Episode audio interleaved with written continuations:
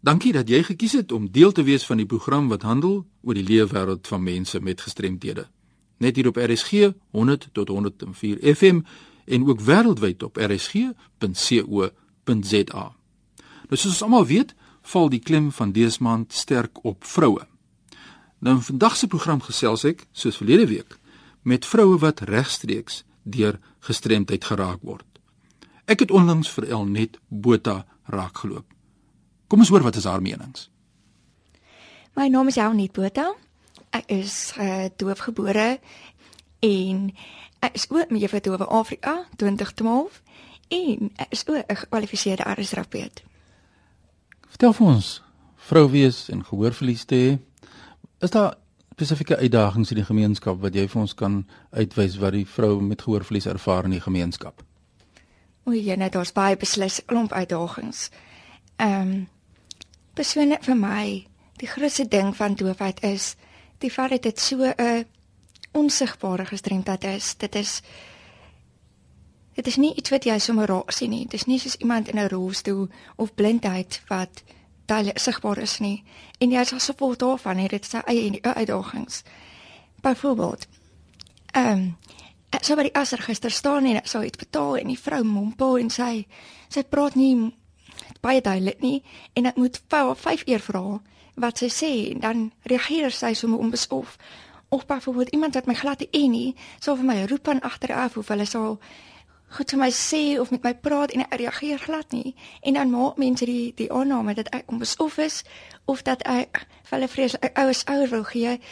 Um, en so 'n voorbeeld wat ek aangee is byvoorbeeld in 'n groot sosiale ehm um, onteks dan is ons hier uh, miskien tussen 5 en 10 mense by mekaar almal praat gelyk almal ek nie noodwendig vir jou wat hulle wanneer hulle met jou praat nie. Daar is miskien ehm um, dis miskien 'n emerdonger vertrek in 'n restaurant of miskien braai ons sommer net by die huis.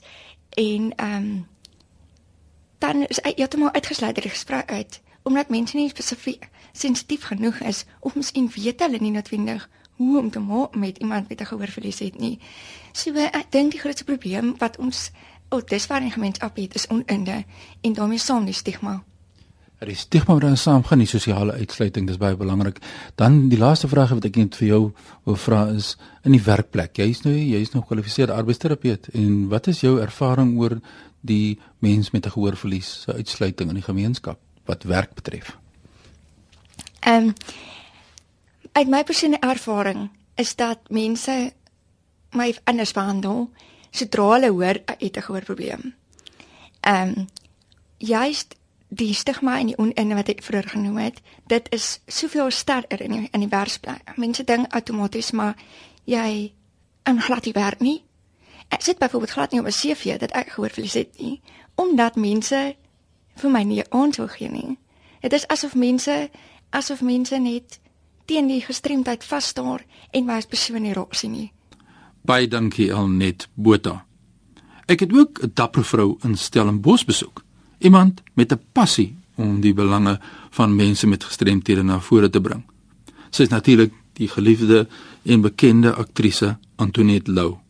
Kom ons hoor wat sê sy. Antoinette, ons gaan selfs nou 'n bietjie oor 'n toneelstuk Kinders van die Stilte. Welkom by ons om vertel ons 'n bietjie meer oor hierdie stuk. Dankie Van en dit is altyd 'n voorreg. Ehm um, Kinders van Stilte is 'n uh, toneelstuk wat ek vertaal en verwerk het van die baie bekende Children of a Lesser God wat destyds 'n paar Oscars gewen het. En ek vervaardig dit ook en ek speel ehm um, drie rolle daarin.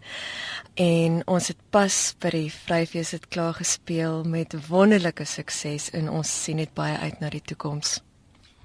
Jy sien nou jy het vervaardig en jy het self gespeel drie rolle. Dis as mrowend as mens daaraan dink, maar jy is vrou, ons is nou 'n vroue maand. As vrou, wat het jy geleer uit hierdie stuk?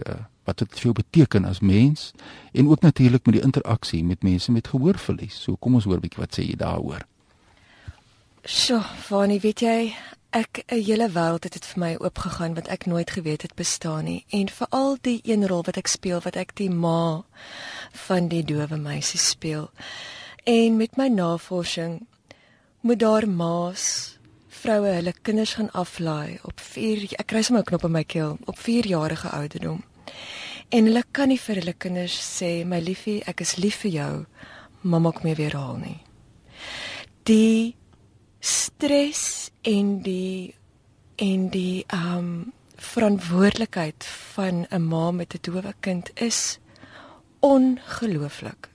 En ek is net elke dag meer bewus van die rol van 'n ma en 'n vrou in 'n so 'n kind se lewe. Ehm um, en dan natuurlik Vicky wat die hoofrol speel. Wat 'n sterk meisie. Sy's nog so jonk. 24, maar sy so sy het soveel goedspa vir ehm um, met al die goedes wat sy al moes oorkom in haar lewe om sy doof is en sy leer my ook nogals baie. Ja. Ja, ek het gehoor jy het nou aan op televisie gesê dat dit vir jou eintlik 'n bemagtigingsproses en jy het eintlik gedink dat dit vir die gehoorgestremde 'n bemagtigingsproses sou wees, maar jy het dit so duidelik gestel dat dit vir jou ook 'n bemagtigingsproses was. Dit was baie lekker om daarna te luister. Nou ja, dit is Antoinette Lou sê is dan verantwoordelik vir hierdie pragtstuk. So kom ons hoor by jou ter afsluiting, wat is jou toekomsdrome as vrou? Ooh, Fanny as vrou wil ek definitief meer sulke stukke doen soos ek nou doen wat ek weet 'n verskil kan maak in die gemeenskap. Van vrouens, daar's 'n pragtige uh idioom van C.J. Langenhoven wat hy sê saggies vat en maak reg, ruk en pluk en gooi weg. En ek dink dit is vir my is dit al 'n baie mooi stelling van wat die vrou kan regkry. En ja, dit is die mening van Antoinette Lou. Natuurlik bewonder ek haar dapperheid om so 'n stuk aan te pak, dan te vertaal in Afrikaans. So baie baie dankie en baie sukses vir jou pad vorentoe. Baie dankie Fani. Soos ek gesê het, hierdie maand val die klem sterk op die belange van vroue. Artikel 6 van die VN-konvensie wat deur Suid-Afrika onderteken is, lei as volg: Deelnemende state erken dat vroue en meisies met gestremthede onderworpe is aan talle forme van diskriminasie en onderneem om in hierdie verband maatreëls te tref om hulle volle gelyke geleenthede en genieting aan alle menseregte en fundamentele vryhede te verseker. Verder sê hierdie VN-konvensie artikel 6 dat deelnemende state sal alle geskikte maatreëls tref om die volle ontwikkeling en bevordering en bemagtiging van vroue te verseker om aan hulle die beoefening en genieting van die menseregte en fundamentele vryhede soos in die huidige konvensie vervat te waarborg. Nou ja, soos ek dit sien, gaan dit hier oor die erkenning dat daar wel diskriminasie is. Die vraag van my kant is, wat is jou mening? In watter forme word daar steeds teen vroue met gestremthede gediskrimineer? Die tweede saak wat duidelik na vore kom is dat maatreëls in plek geplaas moet word. So die tweede vraag van my kant vandag is hoe suksesvol is die huidige maatreëls? So jy word verwys na gelyke genietinge van menseregte en vryhede en die ontwikkeling en bemagtiging van vroue. Waar staan ons in Suid-Afrika betreffende hierdie saak? Hierdie maand het ons so sterk fokus op die vrou. Wat is die situasie rakende vroue met gestremthede?